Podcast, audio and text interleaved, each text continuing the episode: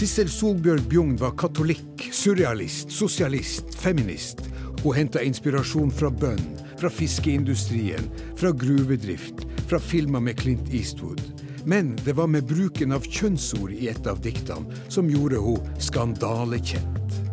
Det ble etter hvert stille om Sissel Solbjørg Bjugn, og stillere ble det da hun døde i 2011. Inntil nå.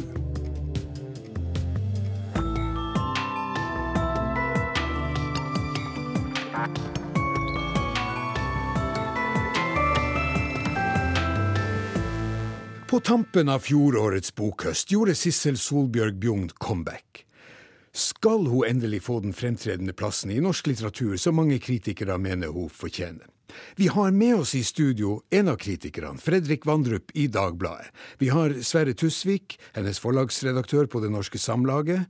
Også Janniken Øverland, tidligere redaktør for det litterære tidsskriftet Vinduet. Vi har forfatter Elisif Lindqvist. Og til sist forfatter og nær venn av Bjugn, Tor Øystein Øverås. Og Tor Øystein Øverås, det er du som står bak relanseringa med to bøker. En biografisk skisse der du også trykker intervju og dikt som ikke kom med i samlingene, og en samleutgave av lyrikken hennes.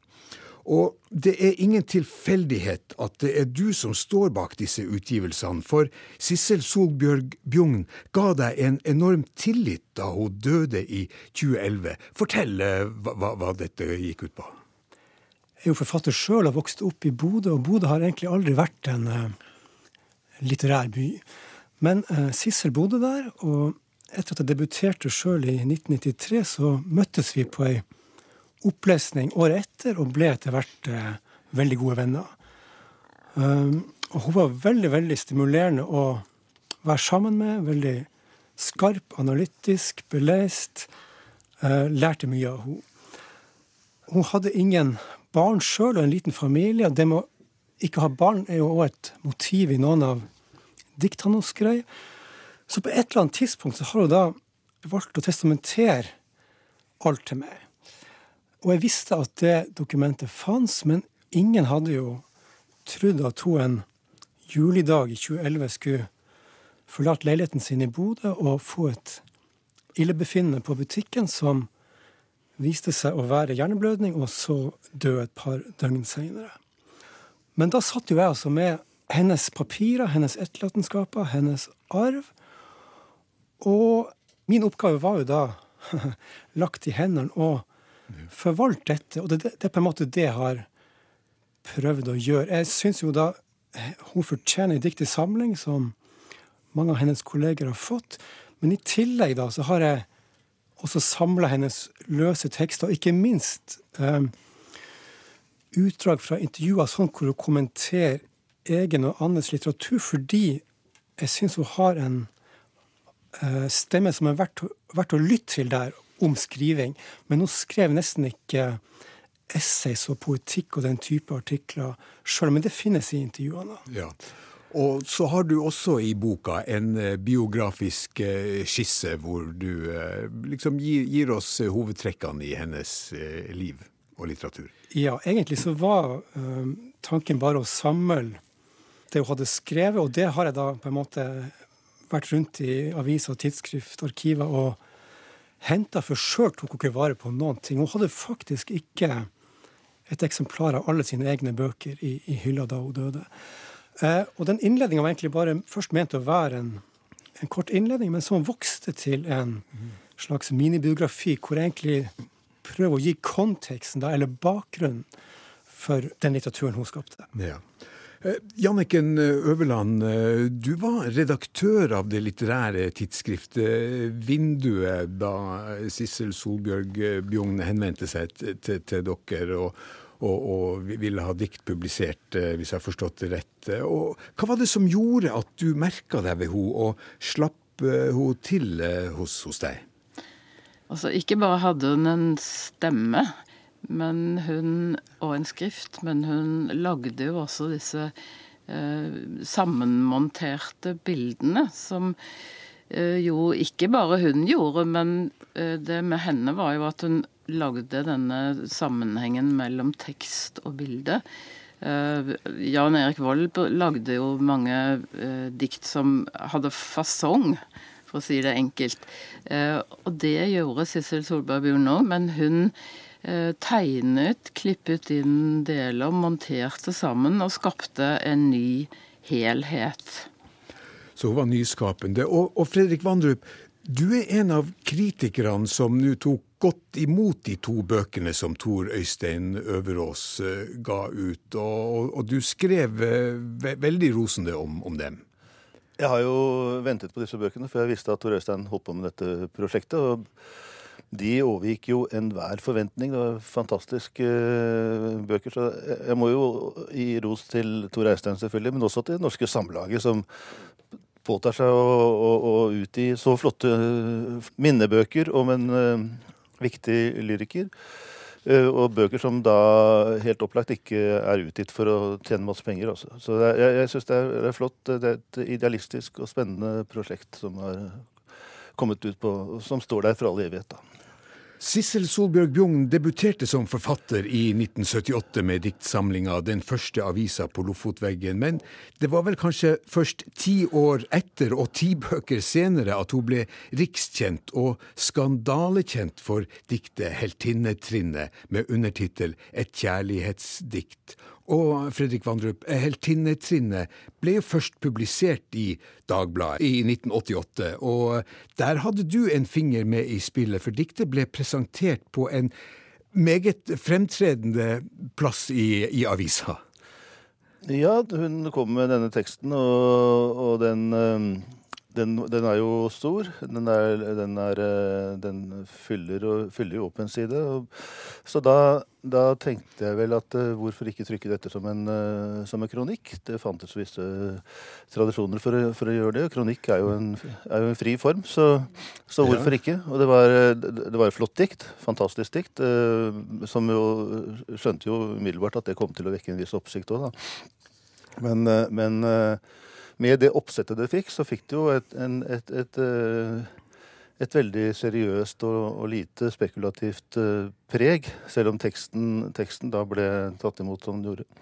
Ja, for, eh, for, det var jo noen ord i, eller spesielt ett ord i dette store diktet som også rykka i det tabloide i Dagbladet. Det, det kan du si, men men dette er klart at dette er jo ikke sånt uh, stoff som det blir uh, førstesideoppslag av, egentlig. da. Det, blir jo lest av en uh, engere krets. Og, og, dette ordet vi snakker om, det, det er jo for så vidt i, i, i vanlig bruk, men, men, ikke så vanlig i, i lyrikksammenheng. Nei, så, La oss høre Sissel Solbjørg Bjugn sjøl lese de første seks versene av Heltinnetrinnet. Heltinnetrinnet et kjærlighetsdikt. Mor fikk nå se dem et skrik satte i. Jeg er heller Sissel barnløs enn Sissel språkløs. Jeg baker verdens beste brød med kim og kli. Den fineste fitta i Nordland er mi. Jeg sjonglerer og bjonglerer med alle ord. På pianoet blir det personlig rekord. For sølv og gull jeg synger ei. Jeg vil sitte i den nordnorske blåsten og dikte til jeg også får en lort i posten.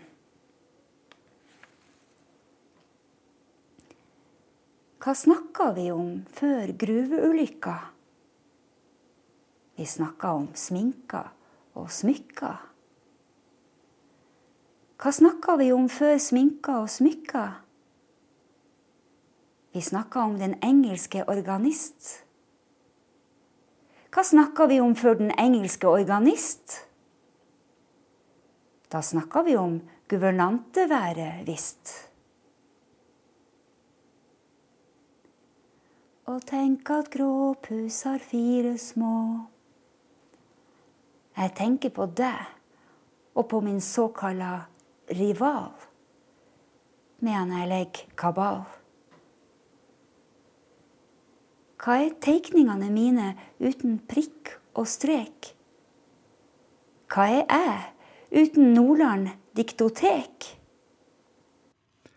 Ja, dette var Sissel Solbjørg Bjugn som leste de første versene av hennes dikt 'Heltinnetrinnet'. Og Sverre Tusvik, du var Sissel Solbjørg Bjugns forlagsredaktør på eh, lyrikksamlingene hennes. og hvordan husker du det rabalderet som eh, denne ene setninga i dette store diktet utløste? Nei, For det første så var vi jo litt ergerlig på Fredrik Vandrup, som setter det her som en kronikk. Fordi Ikke pga. innholdet. Vi tålte å si fitte også i Samlaget. Men eh, Kjartan Fløgstad og jeg som hadde jobba for at denne boka skulle komme ut, var veldig engstelig for at eh, reaksjonære litterater som Jon Leirfall og andre, som jo hadde kritisert eh, Arild Nyquist i Nå er det jul igjen og lest høyt fra Stortingets talerstol, skulle hisse seg opp over at en tredjedel av ei bok fikk plass på ei helside kronikk i Dagbladet. Altså det var ikke innholdet, men forma.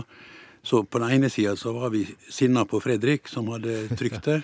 På den andre sida så fikk hun jo rett. Hun fikk jo verbale lorter i posten. Ja. Men heldigvis forsvar fra bl.a.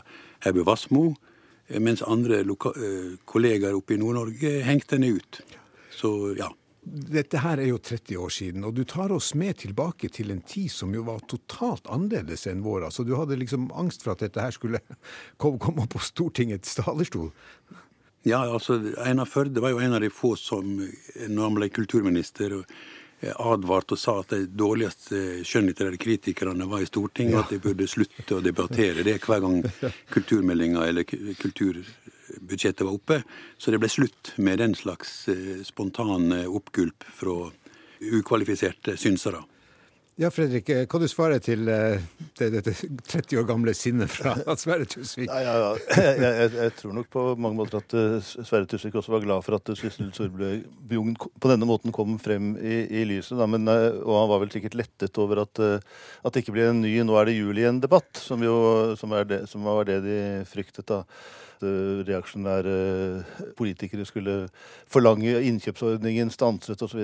Men det, det, skjedde jo, det, skjedde jo, på ingen måte. Det, den debatten som oppsto, var jo for så vidt av, av litterær og kjønnspolitisk karakter, og ikke, ikke litteraturpolitisk. Nei. Var litt redde for at uh, virkelighetslitteraturen da, altså det, om, det viktige setninga hennes er jo 'Jeg er heller Sissel' barnløs enn Sissel språkløs. Det var det få som merka seg. Vi er mange som er glad for at hun ikke var språkløs.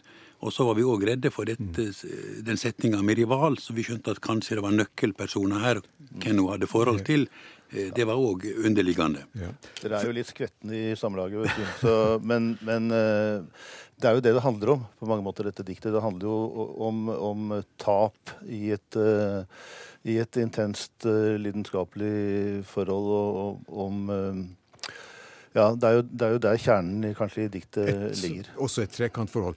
Vi, før vi går videre, skal vi høre hva Sissel Solbjørg Bjugn sjøl sa om diktet noen år etter i et intervju her på NRK med Alf Vanderhagen? Overraskende mange eh, er glad i diktet, har det vist seg. Ik ikke ut fra den sensasjonsverdien, eller hva jeg skal kalle det, som, som, som det hadde, men, men ut fra at, at, det tar opp emner som er vanskelig å snakke om. Det er jo et dikt som handler om ekteskapsbrudd. Det er veldig mange mennesker som kommer i den situasjonen at de kan bli glad i noen andre enn mannen sin eller kona si. Så, så jeg tror det er mange som, som liker diktet fordi at det det skriver om ting som de kjenner seg igjen i. Ikke, ikke, for, det, ikke, for, det, ikke for, det, erotiske, men, men, nettopp for dette med ekteskapsbruddet.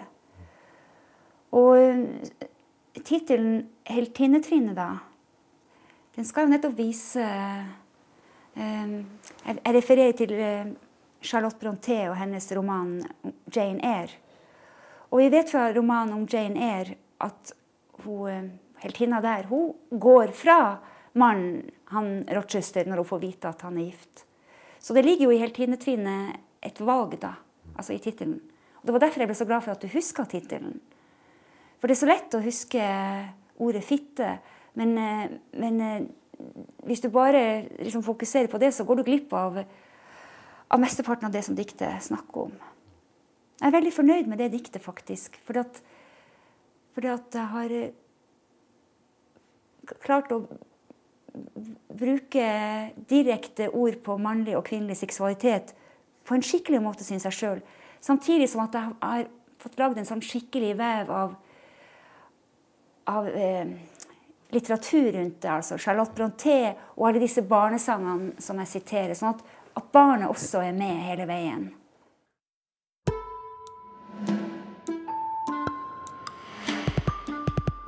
Det var Sissel Solbjørg Bjugn som fortalte om sitt dikt 'Heltinnetrinnet'. Og Janniken Øverland, eh, hva tenker du nå om diktet 30 år etter at uh, det sto på trykk? Holder det seg? Ja, jeg syns det er veldig morsomt å lese det om igjen nå.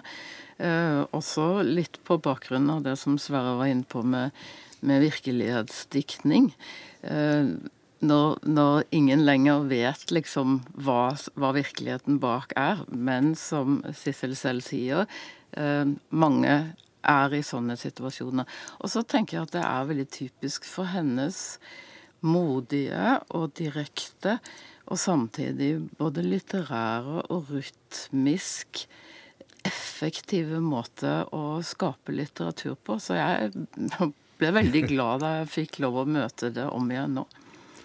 Eh, Fredrik Vandrup, eh, diktet sto jo først på trykk i, i Dagbladet, i, i, Dagbladets eh, storhetstid som kulturavis, og, og, for så vidt tabloidavis. Og Dagbladet var viktig på mange måter for uh, Sissel Solbjørg Bjung. Dere hadde et spesielt forhold til henne? Det viser seg jo det. Altså, hun debuterte jo i Dagbladet i 1968 som 20-åring, helt ukjent. Og da var det ganske sikkert uh, Simen Skjønsberg som fikk uh, hennes første dikt uh, gå ut i verden på, på, pulten sin, og, og, bestemte seg for å, try å, trykke det. Og da ble hun, ble hun også illustrert av Gjøsta Hammarlund, som illustrerte tusenvis av dikt i, i Dagbladet i denne tida.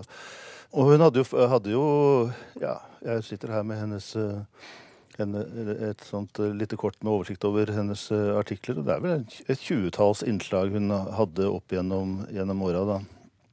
Så det var nok naturlig for henne å, å gå til Dagbladet når hun, eh, når hun, ønsket å få trykt dette, dette diktet 'Heltinnetrinnet'. Men det var, jo, det var jo 20 år etterpå. Ja. Så, og da, da, skjedde det jo mer, selvfølgelig. Da, da ble hun nesten litt forutsigbart angrepet av en av en uh, mann som, som uh, ironiserte over, uh, over, diktet. Og fikk, ble varmt forsvart av, av Herbjørg Wassmo. Som da, Jeg vet ikke hvor ærefullt hun opplever det, men, men det er jo mange som syns det er greit å ha, ha, vært innom Dusteforbundet i løpet av sin karriere. Hennes, hennes innlegg ble jo trykt av Fredrik Stabel i, i Dusteforbundet, hvor, hvor, han skriver at nå begynner vi en helt ny serie om forskjellige slags fitter. Og det, det, det var nok eh, uimotståelig for Stabel med hans eh, humor å, få dette på trykk. da.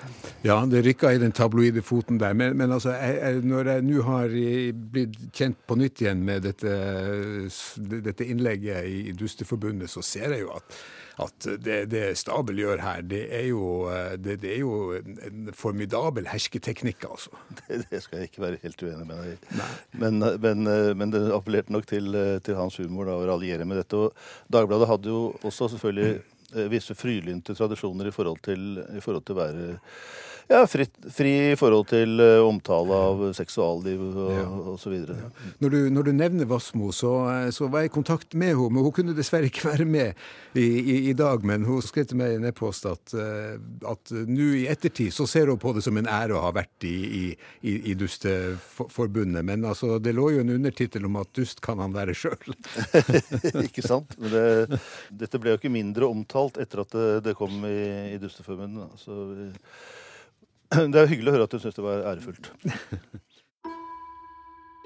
Per Christian Olsen spør hva skjer i NRK P2? Dikter Sissel Solbjørg Bjugn var glemt i mange år. Nå gjør hun comeback som en av Norges største lyrikere. I studio Tor Øystein Øverås, Janniken Øverland, Sverre Tusvik, Ellisif Lindqvist og Fredrik Vandrup. Sissel Solbjørg eh, Bjugn var jo eh, også katolikk, og, og, og, du nevnte jo det første diktet hennes i Dagbladet 1968. Det har jo en opprørsk tone i seg. Og også når det gjaldt kirka, den katolske kirka, så var hun opprørsk. Hun var ikke imponert over den rollen kvinnene fikk eh, der, med at man ikke tillot kvinnelige prester. Og Tor Øystein Øverås, si litt om hennes religiøse engasjement, og hva var det hun angrep? Ja, um man skal jo ikke glemme faktisk at Sissel var jo også blant alle ting hun var en, faktisk en kristen lyriker. Ja. Uh, hun, hun, ble katolikk når hun var veldig ung, uh, 20-21. Og uh, det forble hun da i nesten 25 år til Rose Marie Køhn ble Norges første kvinnelige biskop. Da forlot katolisismen og meldte seg inn i statskirka igjen. Ja, hennes kampsak var egentlig dette med kvinnelige prester. Um, men den saken var jo en tapt sak innenfor den katolske kirka.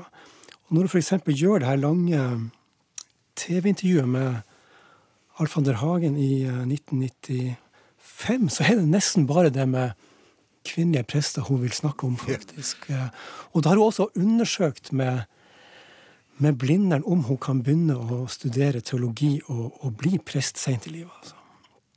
Jeg har lyst til å spille av et, et eksempel eh, hvor hun kombinerer dette med å, å kommentere det religiøse med, med hennes opptatthet av uh, musikk. Hun likte jo alt fra klassisk til rock'n'roll, og særlig likte hun Kate Bush. og her skal vi få høre min, min kollega Marit Garfjell lese opp noe Bjugn skrev med utgangspunkt i en låt av Kate Bush.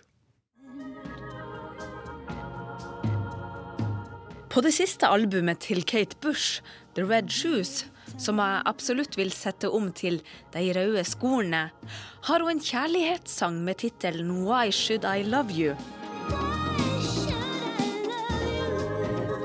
Det er en sangtekst med kristen spiritualitet. Ta bare disse linjene.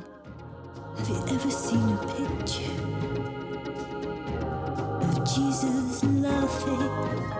Har du noensinne sett bilde av en leende Jesus?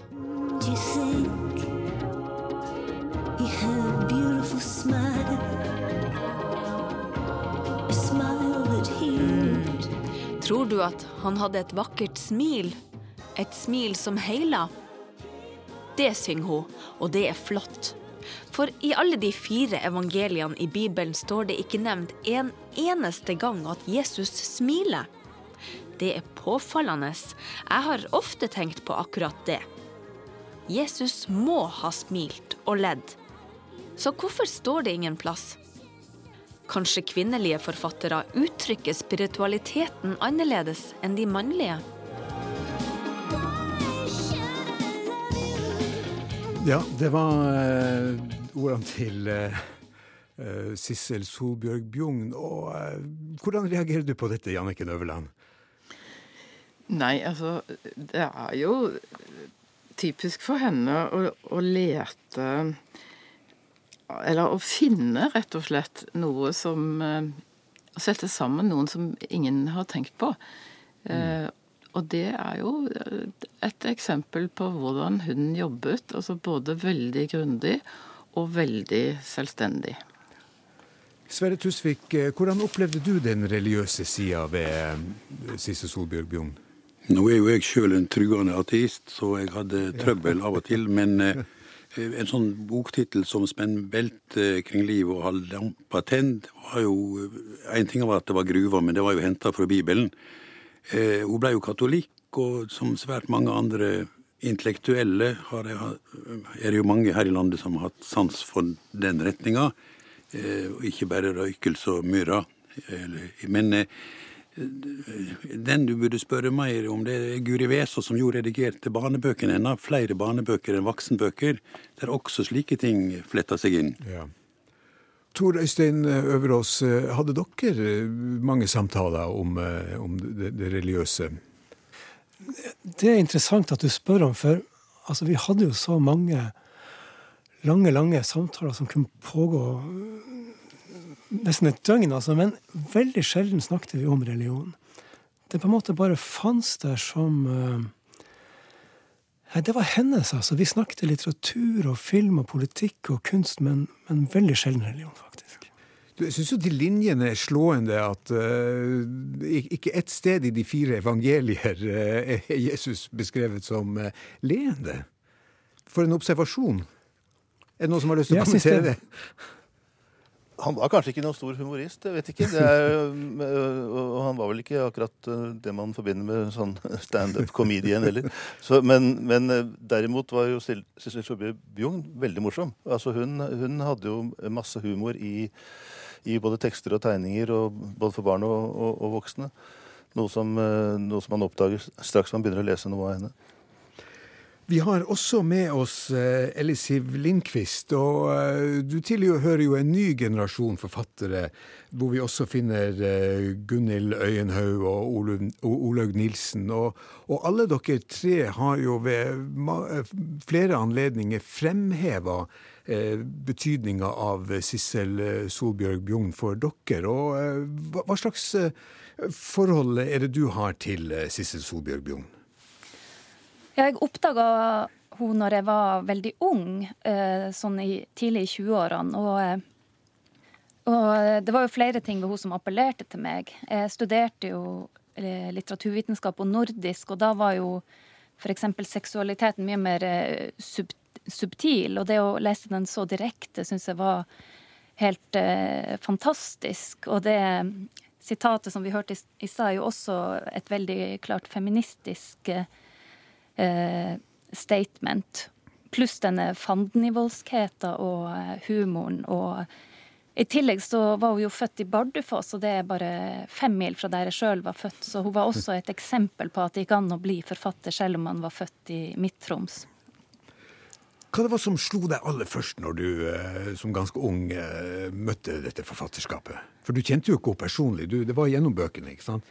Ja, det var gjennom bøkene jeg ble tiltrukket av henne. Hun, eh, eh, jeg følte jo at hun kanskje viste litt fingeren til den eh, gode smaken ved å, å tørre ja, å gå ja. sånn helt egne veier. Og djupt original, så vanskelig å kanskje putte inn noe bås. Til og med til det strengt modernistiske var hun egentlig i en slags opposisjon. Og, og f.eks. det med en masse utropstegn som, som, også var veldig motstrøms, bare for å ta en sånn bitte liten ting, da. Ja. Og så er det humoren. Særlig humoren. Ja. jo... Ja. Og, og Tor Øystein Øverås, eh, dette som Elisif Flinkvist nevner her, altså dette høye, vekslinga mellom det høye og det lave. Du forteller jo når dere uh, kunne være sammen at uh, hun inviterte på frossen pizza og, og, og en god samtale. Ja da, hun uh, hadde sans for en uh, god tomatketchup, for å si det ja. sånn. Det trengte ikke å være så veldig avansert i matveien. Uh, og jeg tenker at hun lot seg inspirere av, av mange andre ting enn lyrikk. Hun, hun, sier jo i et tidlig intervju at hun nesten ikke hadde lest lyrikk før hun debuterte. Det skal man kanskje ikke tro helt på, men Sanglyrikken var veldig viktig for henne, som Kate Bush, som vi hørte her. Og salmene ikke sant, var veldig mm. viktig. Og i starten billedkunsten, det visuelle. Både mm. billedkunst og, og reklame. Da. Så hun henta ting fra veldig mange ulike felt.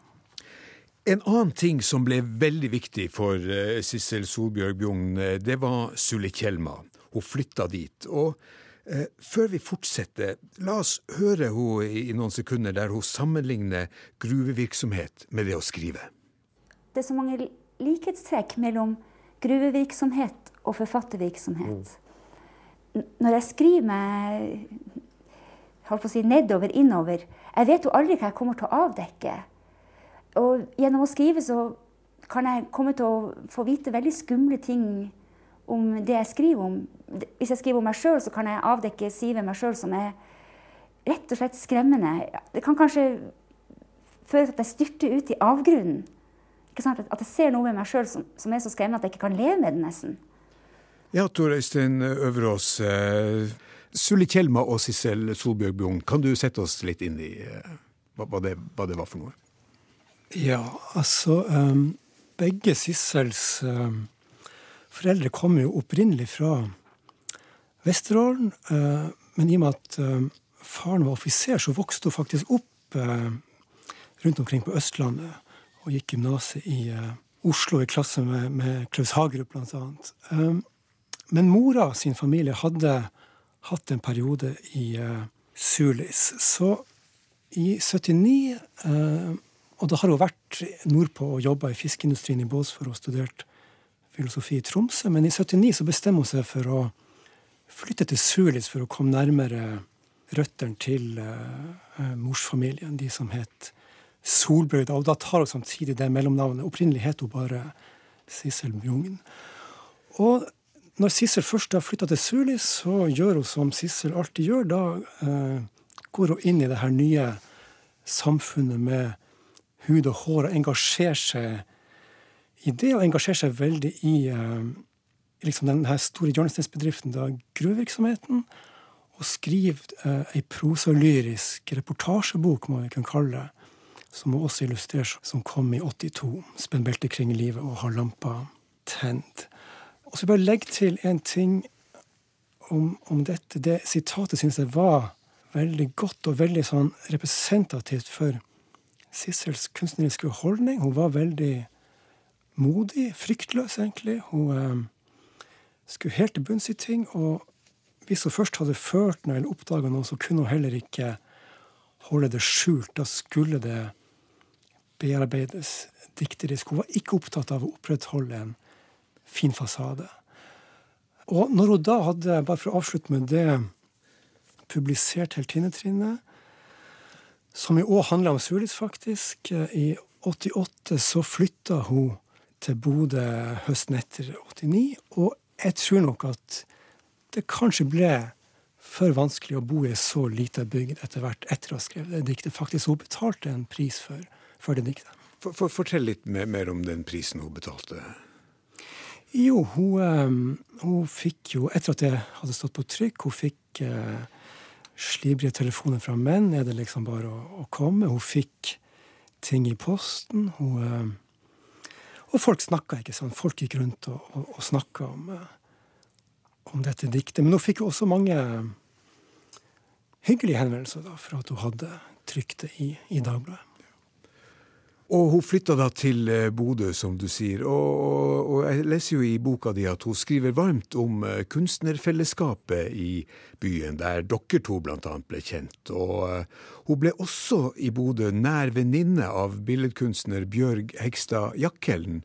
Og eh, jeg har intervjua Jack Hellen eh, på en litt, eh, litt dårlig Skype-linje fra Frankrike, men vi får la det, får la det stå til. Her er, her, er, Bjørg Hegstad Jack Hellen om eh, hvor jeg først ba hun beskrive miljøet i Bodø. Vi møttes mer eller mindre tilfeldig, alle de andre kanskje iallfall. Billedkunstnerne vi hadde fast. Ja. fast men Sissel var med i alle grupper, jeg hadde inntrykk av. Hun eh, ja. jobbet mye sammen med musikere, og hun uh, var veldig interessert i mm, billedkunst. Og vi diskuterte ofte billedkunst når vi møttes. Hun sa jo sine ting om det hun så og opplevde så, på sin spesielle måte, så det var veldig givende for alle partier, syns jeg. Hva var det som ga deg noe spesielt når du var sammen med Sissel? Hun var jo et hun sier det selv, en sjonglør, bjonglør med ord. Hun var en ordkunstner, absolutt.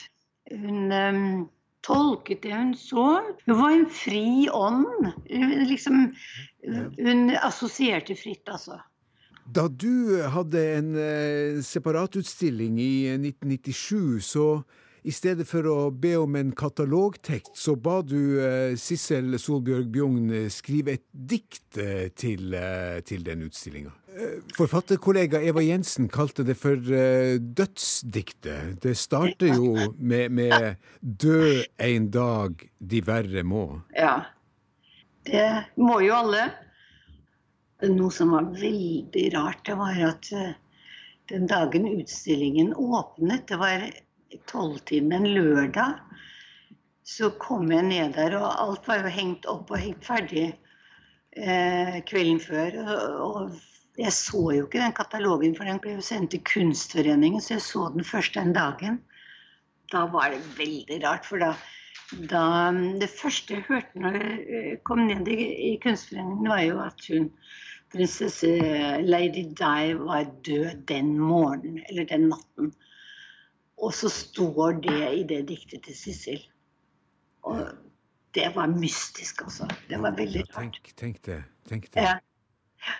Det, det, det slutter med Lady Lady Die'. Ja. Veldig rart. Alle må jo dø en eller annen gang, men allikevel så ser jeg ikke på diktet som et dødsdikt eller som et Nei? tragisk eller makabert eller noe sånt noe. For det er mye livsbejaende i hennes poesi. Det er det. Veldig mye bra. Hun skriver kjempegodt, og hun er veldig humoristisk. Veldig humoristisk i alt hun skriver. Selv de siste tingene. Fordi at hun har en vri på det, ikke sant? Selv den der boken 'Depp' er det jo så mye overraskende morsomt med. Formuleringer som er helt slående. Eh, Selv om kanskje hele greia er dypt uh, tragisk og deprimerende. Så det er en underlig blanding. Og eh, de temaene hun tok opp Hun skulle bli katolikk. ikke sant? Hun, i, hun var katolikk og skulle gå i kloster i Tromsø. Der skulle hun være novise. Og gikk på Hurtigruta. Men det var så forferdelig uvær over Vestfjorden at hun eh, måtte gå av i Stamsund og, og gikk opp til, eh, til Arild Nyquist isteden. Og kom ikke på den, til det nonneklosteret. Mm. Hun hadde et spesielt forhold til Arild Nyquist. Ja, hun beundret han eh, som forfatter, og hun sa at hun var sikker på at om 50 år så ville alle mennesker eller Hennes store håp var at alle mennesker skulle være som Arild Nyquist. Ja, her var det mye vi kunne ta tak i, men kanskje vi lander på surrealismen. Sjøsjuk så redda hun seg i land i eh, Stamsund etter den strabasiøse turen over Vestfjorden. Og hun har eh, skrevet eh, et dikt om dette som heter Enveisbillett, og vi skal høre litt fra det. Eg nitel ikkje kolli, for eg bringar ikkje masse. Kartongen med tolv suppekoppar utgjer flyttelasset.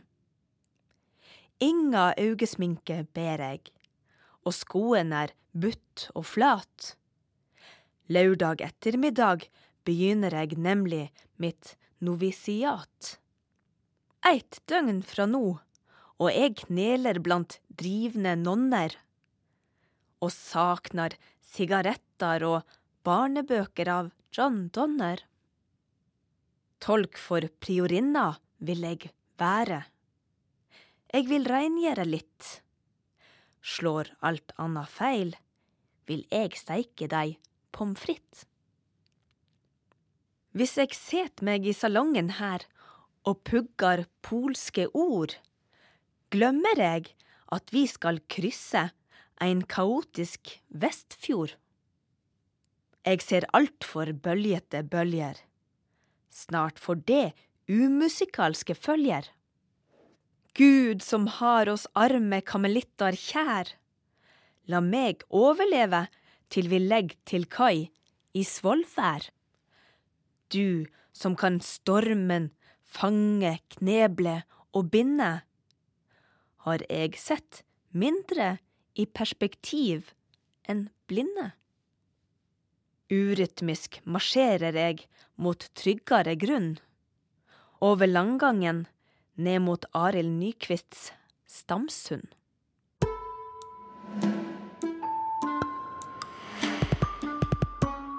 Forlagsredaktør Sverre Tusvik, eh, dette med Sissel Solbjørg Bjungs stil, surrealismen, eh, kan du forklare oss litt mer om eh, hva den består av? Nei, jeg kan ikke forklare alt, men eh, sammen med Karin Moe må vi kunne si at hun som nynorskskrivende kvinne var en av de pionerene som viste både i ordleik, men altså uventa bilder. da. Og da, eh, Karin Moe har ikke har det i språket. Sissel har det også illustrasjonene, så jeg likte det som Elisiv her sa at vi må ikke glemme humoren, som også var veldig sentral i illustrasjonene.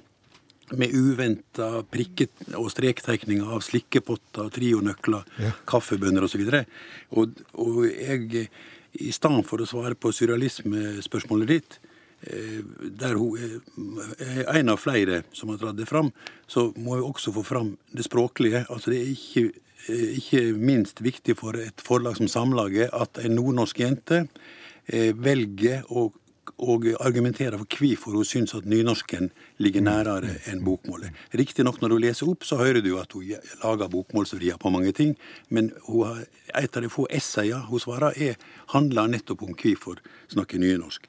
Eller skrive nynorsk. Men eh, humoren, eh, den, jo i, den er jo sentral i surrealismen.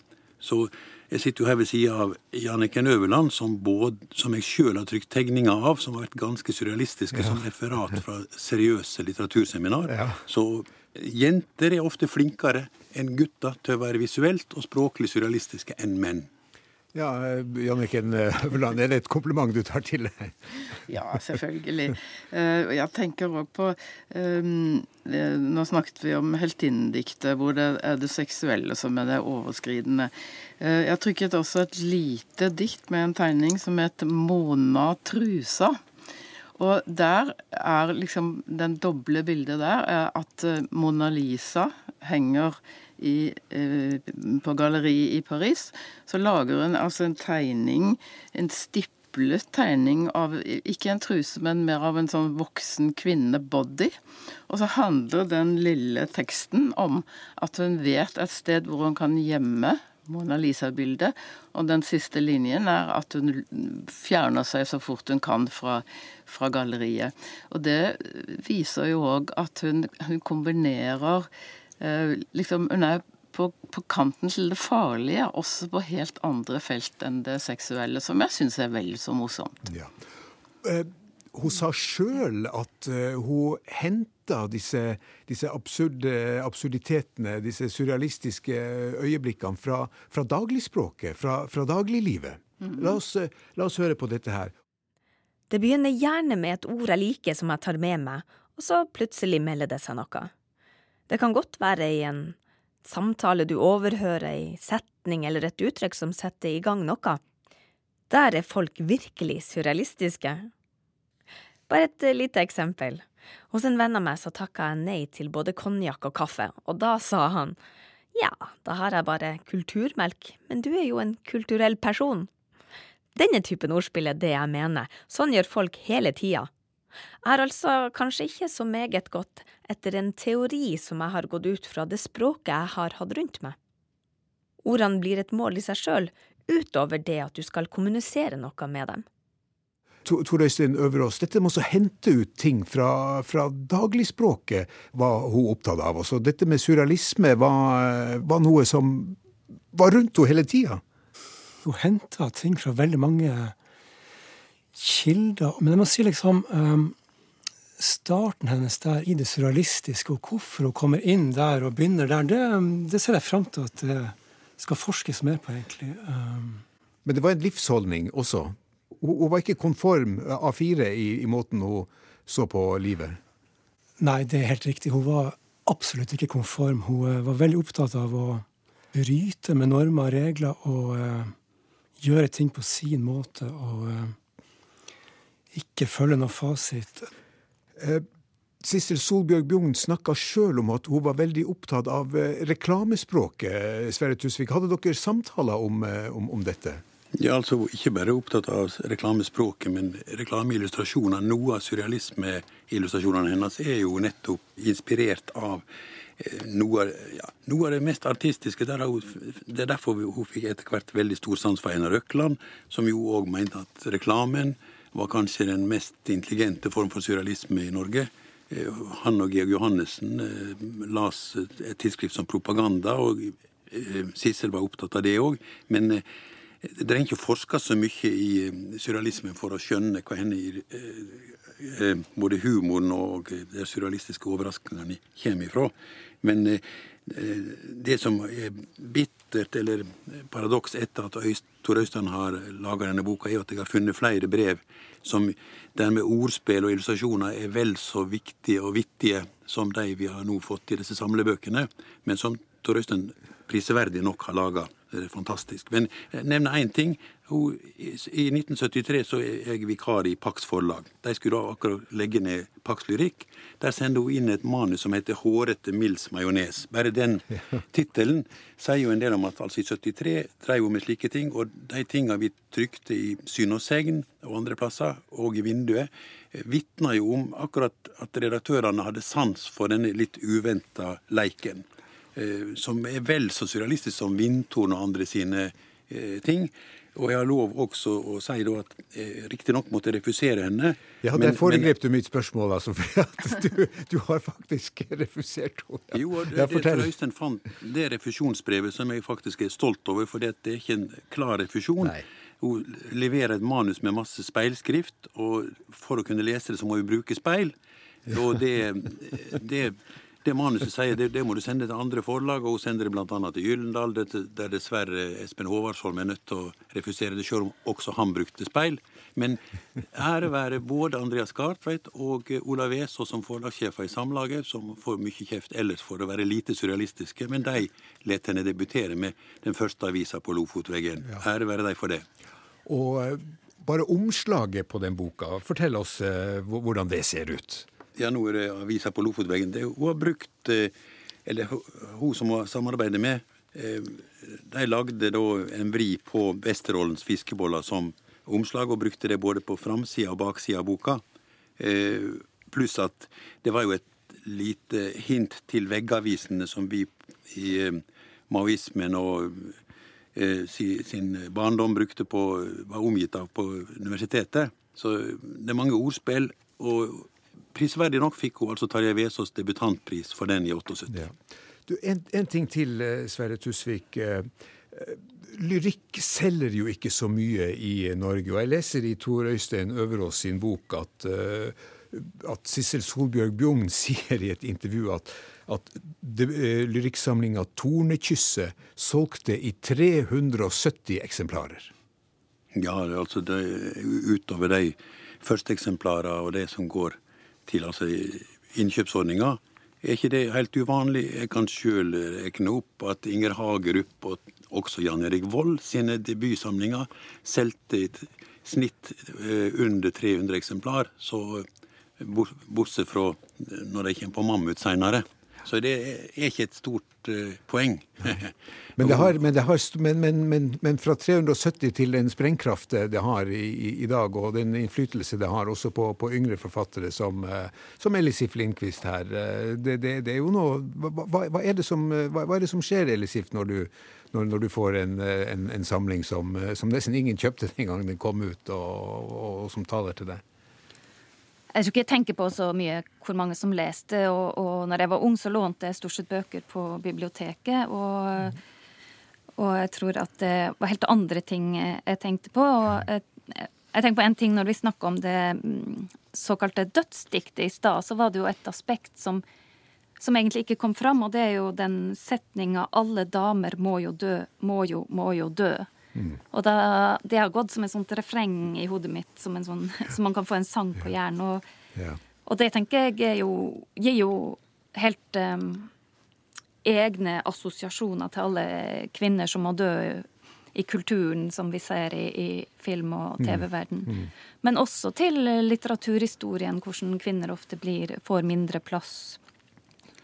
Og, ja. og dårligere omtale, rett og slett. Men god litteratur er som eh, ringer i vann. De, de, de, de er der, og, de påvirker. Eh, vi, vi, begynner å nærme oss slutten på programmet her, da. Og det jeg gjerne ville hørt med, med, med, dere i studio, det er altså hvordan, hvordan skal vi vurdere Sissel Solbjørg Bjugn opp mot den litterære kanonen i, i Norge? Hva slags plass er det hun egentlig eh, bør, bør ha i, i, norsk litteratur? Eh, Janniken Øverland først. Nei, jeg syns jo at uh, Tor Øystein Øvråds uh, store arbeid her har vist at uh, tekstene hennes ikke er uh, gått ut på dato. det lå selvfølgelig et opprør i veldig mange av de som gikk på flere nivåer. Akkurat det med reklame og, og fiskebolleboksen er jo um, altså liksom antireklame, pro kunst utsagn. Men jeg setter som Elisiv også veldig stor pris på det kvinneperspektivet som ligger i tekstene. Og jeg tenker at den altså Heltinnediktet og Herberg Wassmos eh, svar på det, altså offentlige svar som kom i Dusteforbundet, det rommer noe av det mest sånn frekke, frittralende og samtidig humoristiske som to moderne kvinner har eh, ytret seg med i offentligheten. Så dette kan vare. Frekk, frittalende og humoristisk. Ja, Ellesif Lindqvist. Hva slags plass bør Siste Solbjørg Bjugn ha i norsk litteratur? Ja, hun er jo en av våre fremste eh, forfattere, også for, fordi hun er så djupt original at det er nesten vanskelig å si at eh, noen som plasserer henne helt eh, sammen med noen, fordi hun bryter liksom med alle båsene man prøver å, å putte henne i. Og, og, det at hun f.eks. skrev om Religion er jo veldig motstrøm, så når hun da i tillegg står fram med at hun lever i sølibat, så kan det knapt uh, bli mer uh, motstrøms. Samtidig som hun har hatt denne fandenivoldskheten og livsbejaenheten som kom fram i dikt som Heltinnetrinnet. Selv om det ligger en sorg også der, som senere ble tydeligere i Depp, da, som ble hennes siste. Ja.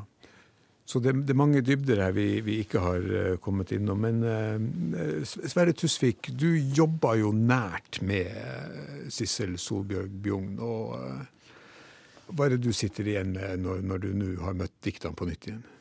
Ja, for det første et gledelig gjensyn å få bekrefta det floskelaktige setninga om at folk som tror de har funnet opp kruttet, bør heller lese kruttets historie. Og slik sett så kan vi si at ære være nettopp Du nevnte Gunhild Øyehaug og Olaug Nilsen. Da de starta det tidsskriftet Kraftsentrum på Cappelen, så hadde de to tema nummer, Ett om Karin Moe og ett om Sissel Solbjørn Ja. Nettopp for å vise hvem de var inspirert av, men hvem andre også kunne vise at det har gått folk før oss. Og befriende nok så er det masse gode kvinnelige prosaister og lyrikere som tør å leke med ordet, som har latt seg inspirere av Sissel. Ja. Eh, Tor Øystein Øverås, eh, det er du som har gjenutgitt uh, Sissel Solbjørg Bjugn. Og da du, da du, fikk i testamentarisk gave hennes, hennes, litteratur, hennes etterlatte papirer, var du noen gang i tvil om hva du satt med mellom hendene? Nei, på, på ingen måte. Um, det var jo klart for meg lenge, lenge før hun, hun døde. Um, jeg syns det er et veldig veldig sterkt forfatterskap. Men da hun døde, var hun jo helt borte. Altså. Hun var rett og slett uh, blitt helt usynlig. Den siste diktboka hennes, 'Depp', som kom i 99, ble jo knapt registrert, faktisk. Og etter det kom det ikke flere dikt for voksne. Så men jeg må jo si nesten takk til kritikere og andre som har tatt imot disse bøkene og gjort de synlige igjen. Altså, for det har vært en uh, Eh, det er jo en formidlingsjobb i, i mange, mange ledd her. Um, hvis, jeg, hvis, jeg, også kommenterer det med liksom, hva er hennes um, plass, da, så tenker jeg det er Sjøl sitter igjen med, er, er, hennes kunstneriske holdning. altså Det, det motet og den fryktløsheten og den lekfullheten. Og hvis vi igjen da går tilbake til hennes start i surrealismen, hvor liksom det er lek med ord og vri og vende og rime og nødrim og alt det her, det forlater, Når hun da seinere i livet liksom skriver mer på, tettere på egen biografi, som i Heltinetrinnet, og i Depp, som er to ikke sant, selvopplevde uh, kjærlighetshistorier, så, så, forlater hun ikke den der enorme um, språklige grundigheten og oppfinnsomheten. Hun går runde etter runde etter runde med dette før diktene er ferdig. Og akkurat der skiller hun seg fra mye av den såkalte virkelighetslitteraturen i dag, hvor man liksom setter pennene på papiret og det skal da stå for en slags autentisitet, at uh, første forsøk er nærmest uh,